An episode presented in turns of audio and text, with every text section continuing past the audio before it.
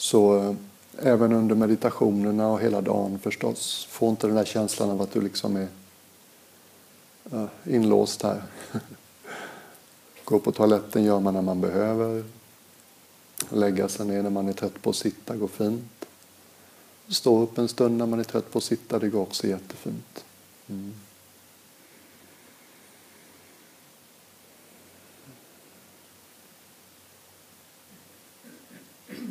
Jag brukar ofta säga någonting kring attityd i början av en meditation. Vår liksom, vårt intellekt tenderar att överförenkla saker och ting. Ha, nu ska jag andningsmeditera, då får jag inte tänka. Så är det inte riktigt. Vi har intellekt, de puttrar på.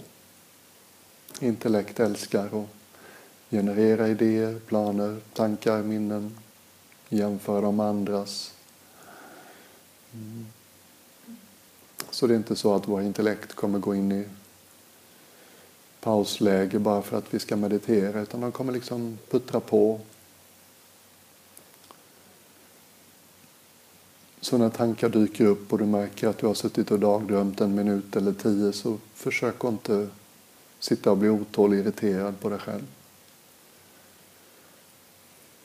Det är faktiskt lite magiskt hur vi kan sitta i en dröm om någonting som är någon helt annanstans. Och helt plötsligt är det någonting i oss som vaknar till och säger oj då, här sitter jag och drömmer om Seychellerna. Någonting i oss på något sätt tar oss tillbaka. Mm.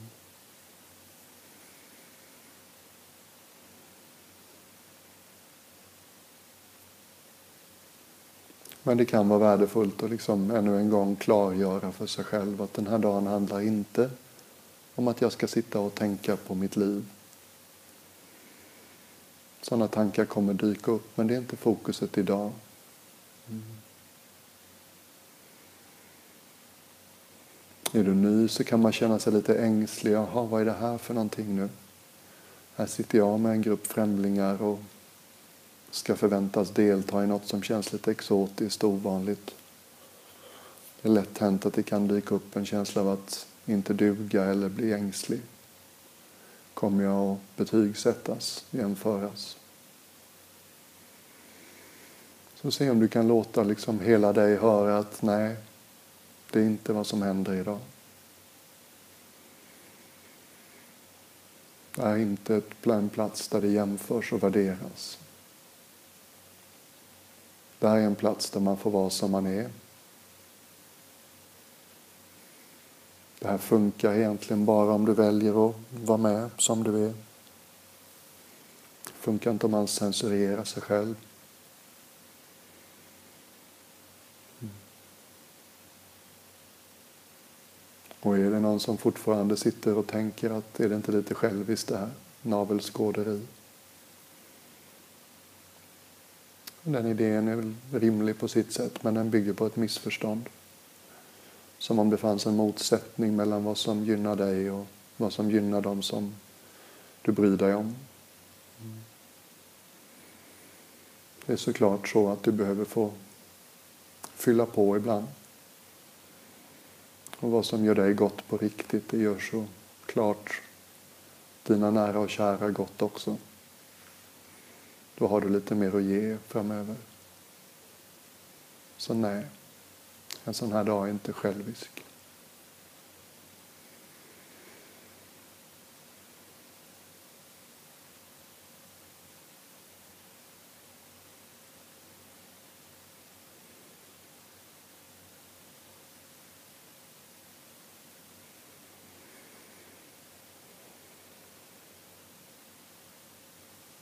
I början av första meditation kan det vara bra att bara ta till sig begreppet grunda, jorda. Den här inre fjärrkontrollen jag nämnde i inledningen, om vi tog upp den nu och bestämmer oss för att nej, nu är det inte riktigt tankarna, intellektet, det mentala, det konceptuella jag ska fokusera på. Nu byter vi kanal. Går vi till ett av de fem yttre sinnena. Går vi till det där sinnet som kallas kroppsberöring. Om du börjar med att bara lägga märke till hur din kropp möter det du sitter på. Hur känns mötet mellan stussen och stolen eller mattan som du sitter på? Bara lägg märke till hur tyngd upplevs av dig just nu. Kroppens tyngd som möter stolen eller mattan under dig. Utan att kräva att det ska vara sensationellt eller speciellt. Kan du känna hur kroppens tyngd bärs av det du har under dig? Känns det väldigt ängsligt och osäkert hur du sitter så kanske bara lämna över kroppens vikt lite mer tillitsfullt.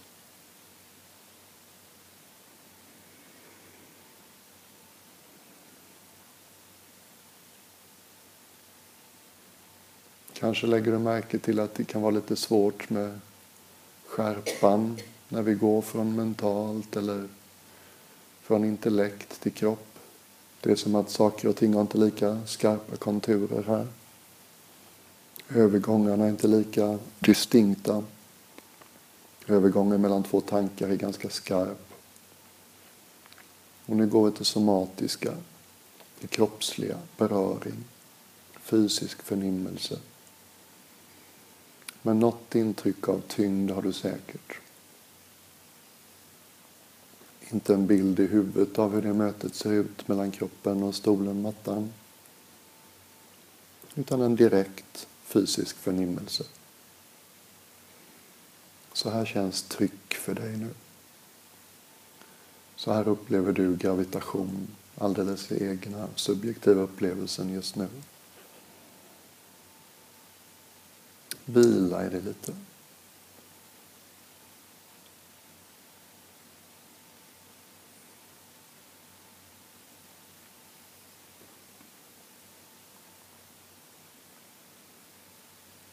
Det är så lätt hänt när livet börjar storma eller svaja.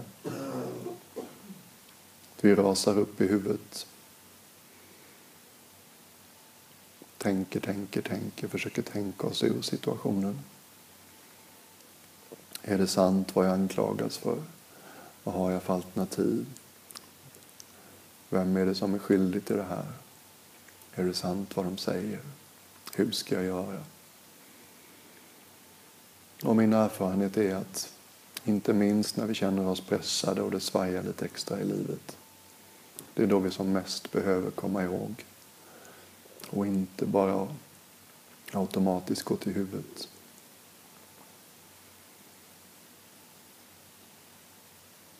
Och bara den här enkla, lite ovanliga rörelsen. Gå rakt ner genom kroppen istället. Känna tyngden av stussen och låren mot det du sitter på.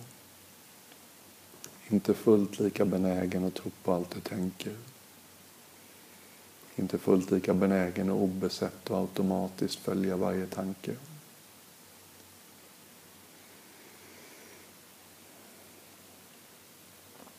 Du vet själv hur det känns att hänga med någon som känns jordad och grundad. Det känns stabilt. De är inte så flyktiga. De är inte så impulsiva. Följer inte automatiskt varje idé som dyker upp utan kan välja det som är värt att följa. Det känns tryggt och klokt att hänga med sådana människor.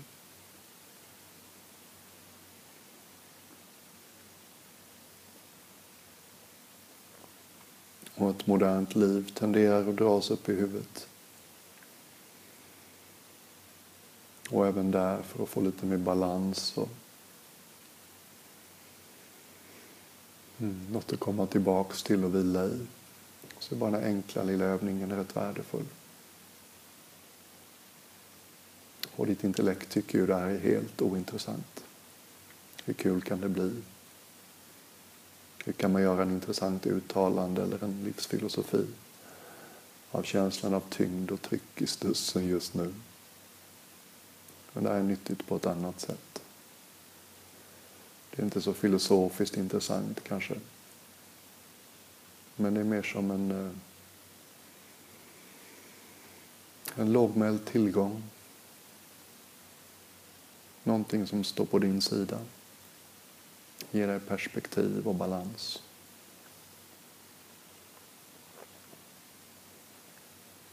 hjälper dig till värdigheten att kunna välja vilka tankar du vill följa.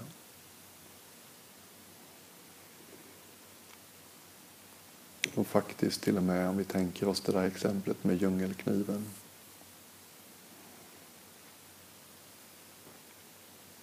Att du inte besatt följer allt som händer på järnkontoret.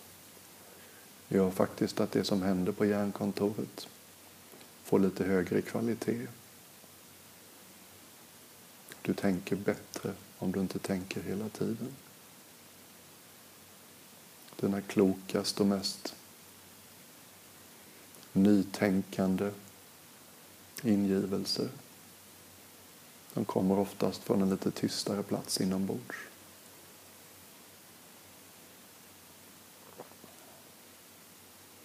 I buddhism kallar man ibland det här för intuitiv visdom.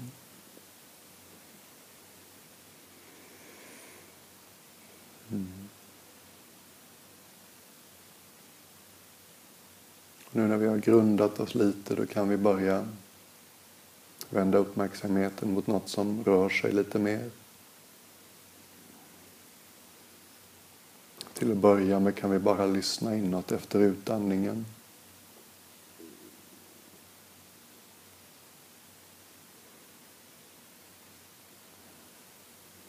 Bara vila i intrycket av utandningen. behöver inte vara lång eller kort eller djup eller någonting. Det här är inte andningsövningar. Det här är uppmärksamhetsövningar. Så bara lägg märke till att du andas ut. Lägg märke speciellt i början och slutet av varje utandning.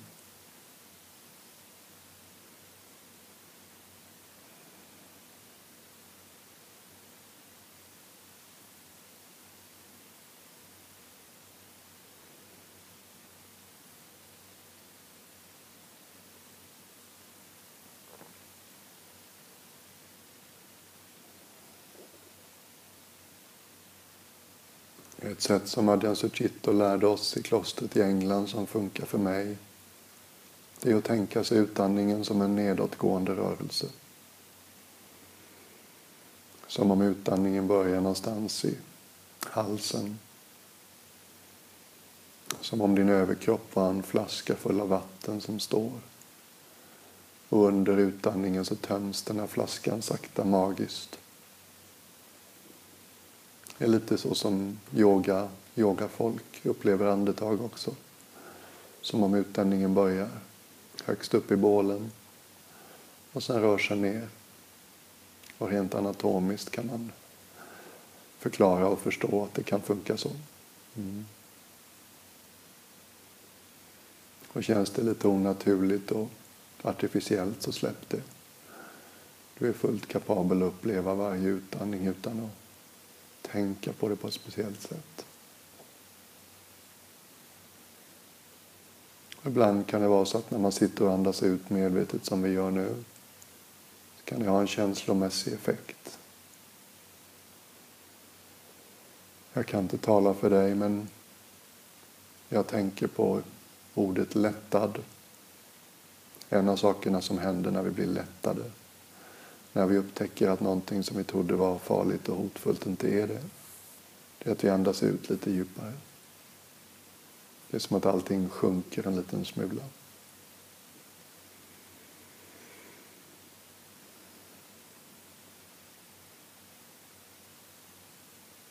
Och när utandningen är slut så är det en kort paus. Låt den vara så lång den vill, den pausen.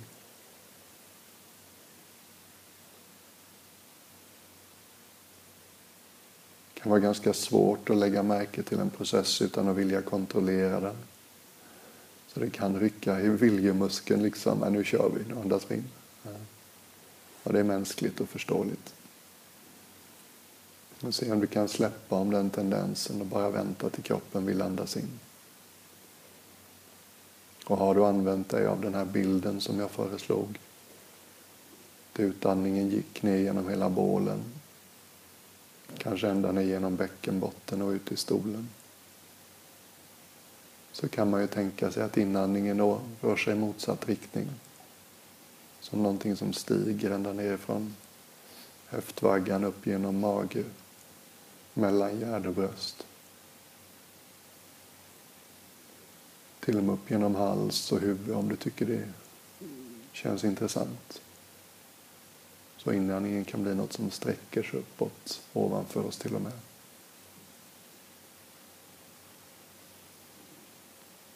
Så låt den här taktfasta rytmen hålla dig en stund. Vi är inte ute efter ett andetag som ska kännas på ett visst sätt.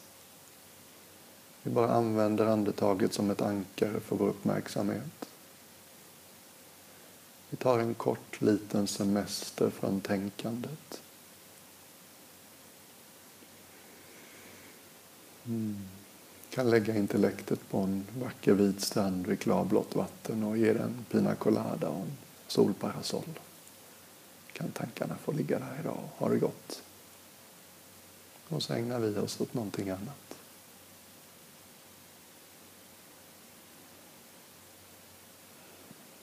Inget du behöver tänka ut nu. Inget du behöver förstå. Inget du behöver formulera dig kring. Hitta den här lite mer generösa, oskuldsfulla delen av din uppmärksamhet.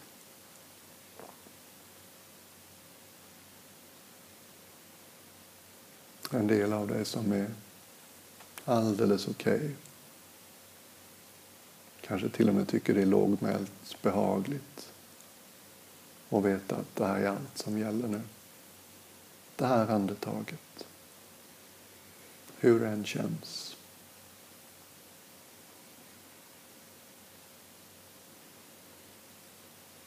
Känns det här jobbigt och ansträngt så är risken hög att du försöker lite för mycket. Buddhan gav många bilder för hur vi håller i meditationsobjektet. En bild som han gav som jag tyckte mycket om det var förslaget att hålla meditationsobjektet som vi håller en fågel i handen. Det är klart att om vi håller den för löst så flyger den iväg. Men håller vi den för hårt så gör vi förstås fågeln illa.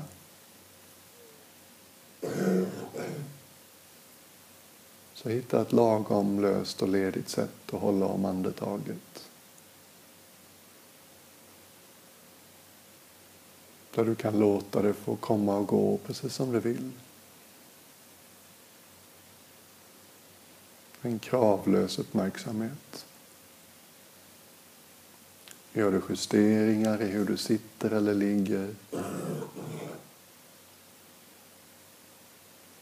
så gör dem för att det ska vara mer behagligt att andas.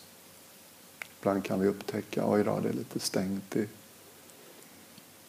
bröst och solarplexus. Oj då, axlarna känns lite hårda, kanske de vill sjunka en smula. Bröstet kanske är behjälpt av bilden av en hand som ligger lodrät, handflatan längs med ryggraden bakom bröstet. Påminna oss själva om vår tredimensionalitet. Är magen glad? Det rådande, det rådande skönhetsidealet gör att många av oss går med magen lite indragen titt som tätt. Idag är vi ute efter en glad, rundad mage. Mm. Ländryggen samma sak. Ibland kan den krumma bakåt eller vara väl framåtskjuten. Låt den hitta sin naturliga plats.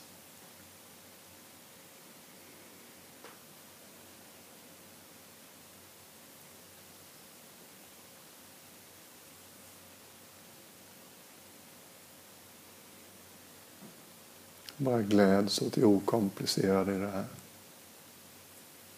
Allt annat är på pausknappen. Bara detta andetaget. Som om det var det första. Som om jag inte trodde att jag visste allt om hur det känns att andas. Som om min cyniska del som tycker sig veta allt i förväg tog en liten paus. Och det där lite mer oskuldsfulla och närvarande i mig kan få komma till förgrunden. Den lite mer barnliknande delen av dig och mig. Som tar in livet lite mer förutsättningslöst. Utan så mycket formuleringar.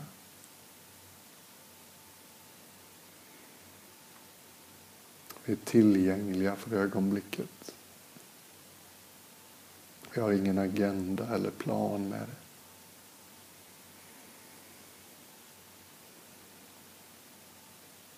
Vi är beredda att uppleva utan att kontrollera. Nuet behöver inte vara på ett visst sätt för att vi ska vara villiga att ta in det.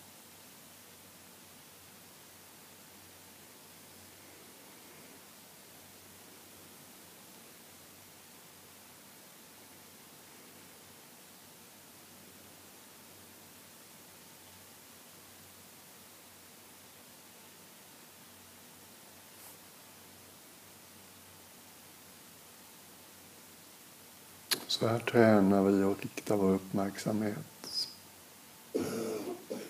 Vi påminner oss om den så himla underskattade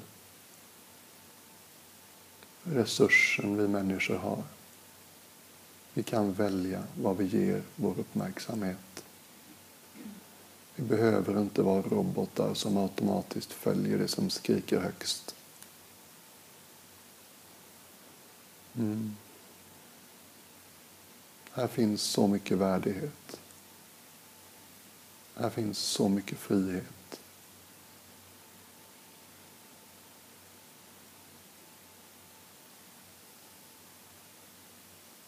Och det är sant även om ditt och mitt intellekt kan ha invändningar.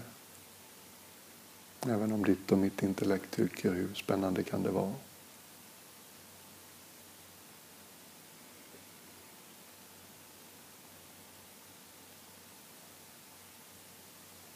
En annan sån här häpnadsväckande sak som Buddhan sa vid ett flertal tillfällen. Det var eh, genom den här kroppen. Genom den här kroppen så har jag erfarit. Så erfar jag. Det som aldrig föddes och aldrig kommer att dö. Ett underbart orimligt påstående.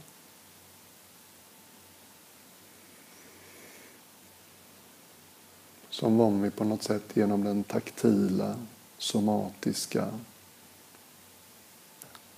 förnimmelseverkligheten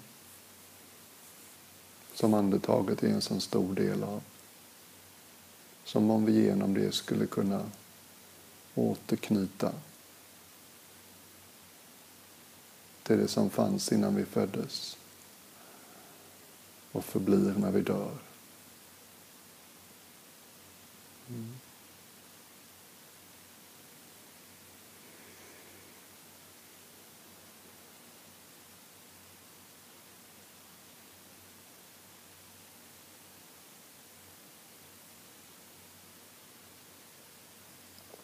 Och det är förstås väldigt stora ord, men jag ville droppa dem i oss också. Det är inte bara psykologi, meditation. Det handlar inte bara om att hitta ett vuxnare och mer balanserat sätt att förhålla sig till tankar. Det går längre än så. Det är en av stigarna, en av möjligheterna att börja röra oss i den där riktningen dit vår allra djupaste längtan pekar oss.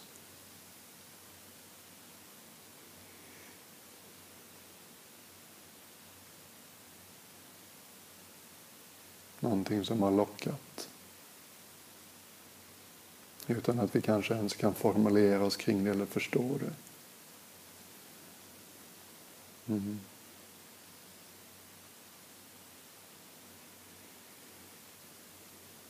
Buddhan hörde samma lockrop. Gav sig på det här med att vara asket i sex år i Indien. Slut vägde han nästan ingenting och var ett belrangel. Hade insikten att det här funkar inte. Varför ska man straffa kroppen? Den har inte gjort något fel. Börja ge kroppen vad den behövde. Blev starkare, friskare. Och en fullmånenatt i maj enligt legenderna så satte han sig under ett bodhiträd i Gaia. Tog jorden som sitt vittne och sa Nu tänker inte jag resa mig förrän illusionens alla slöjor har dragits bort. Och vad han sen gjorde var precis vad vi gör nu. Vände sin uppmärksamhet mot andetaget. Och innan solen gick upp nästa gång så hade han faktiskt uppfyllt sin största dröm, sin djupaste längtan.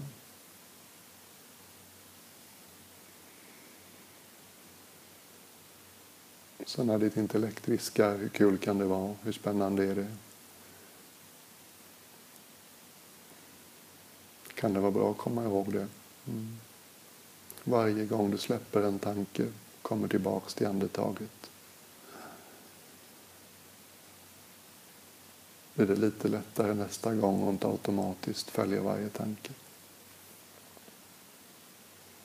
Blir du lite friare.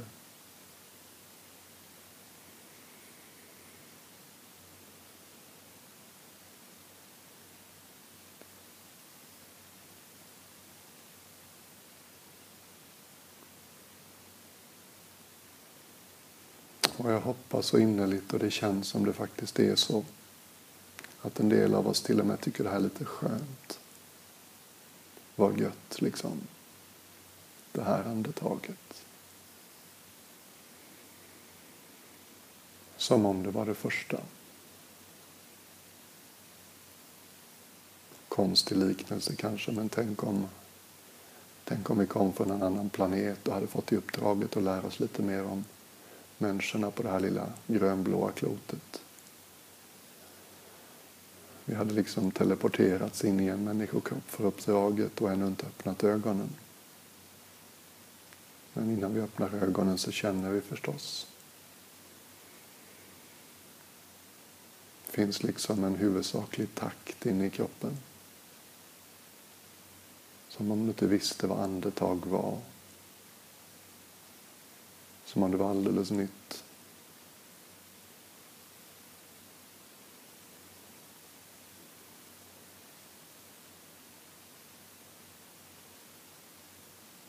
Det är så mycket vi gör i vardagen genom filtret att vi tror oss veta. Och det där att vi tycker oss veta, det står i vägen för visdom. Vi är inte riktigt tillgängliga.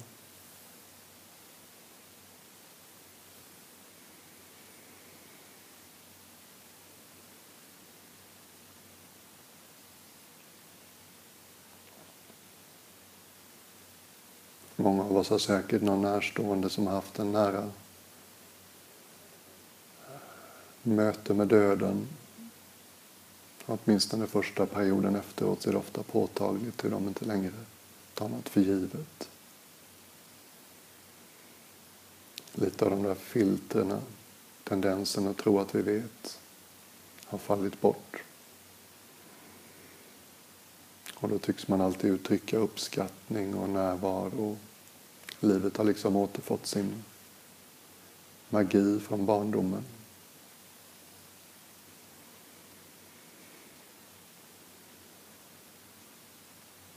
Och så kan vi förstås var och en uppleva livet igen. Det är inget som hindrar oss från det.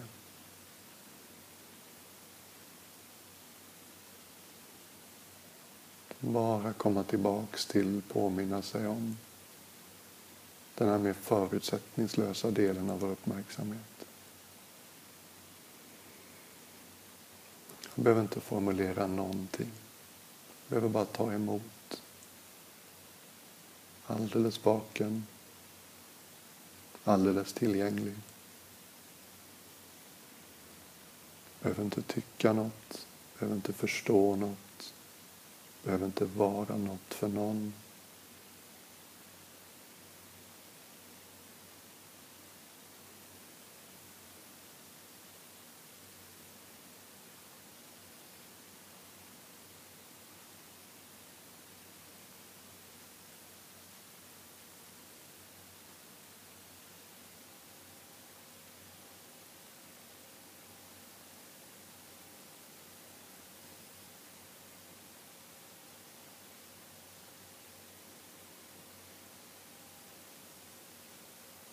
Vad gött att känna att det är så samlat redan.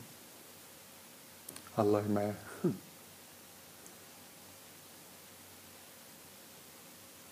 Om en minut eller så så går klockan och meditationen tar slut.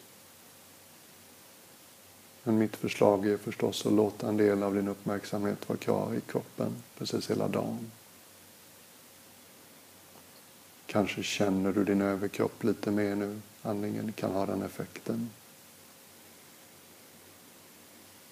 Mm. Kanske finns det lite mer utrymme kring tankarnas flöde.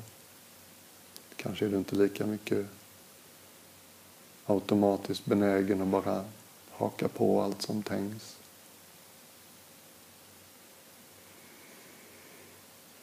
Kanske finns det till och med en lite mer levande referens till någonting som är mer stillsamt och närvarande.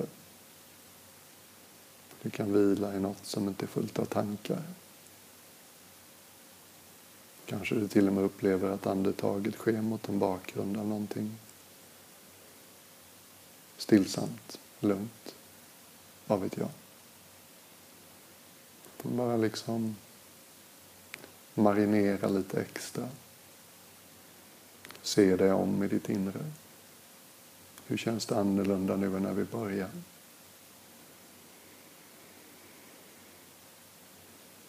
Lite som man vände sig tillbaks mot en plats man har besökt som man tyckte om. Man vill kunna hitta tillbaks. Man vill känna igen sig nästa gång.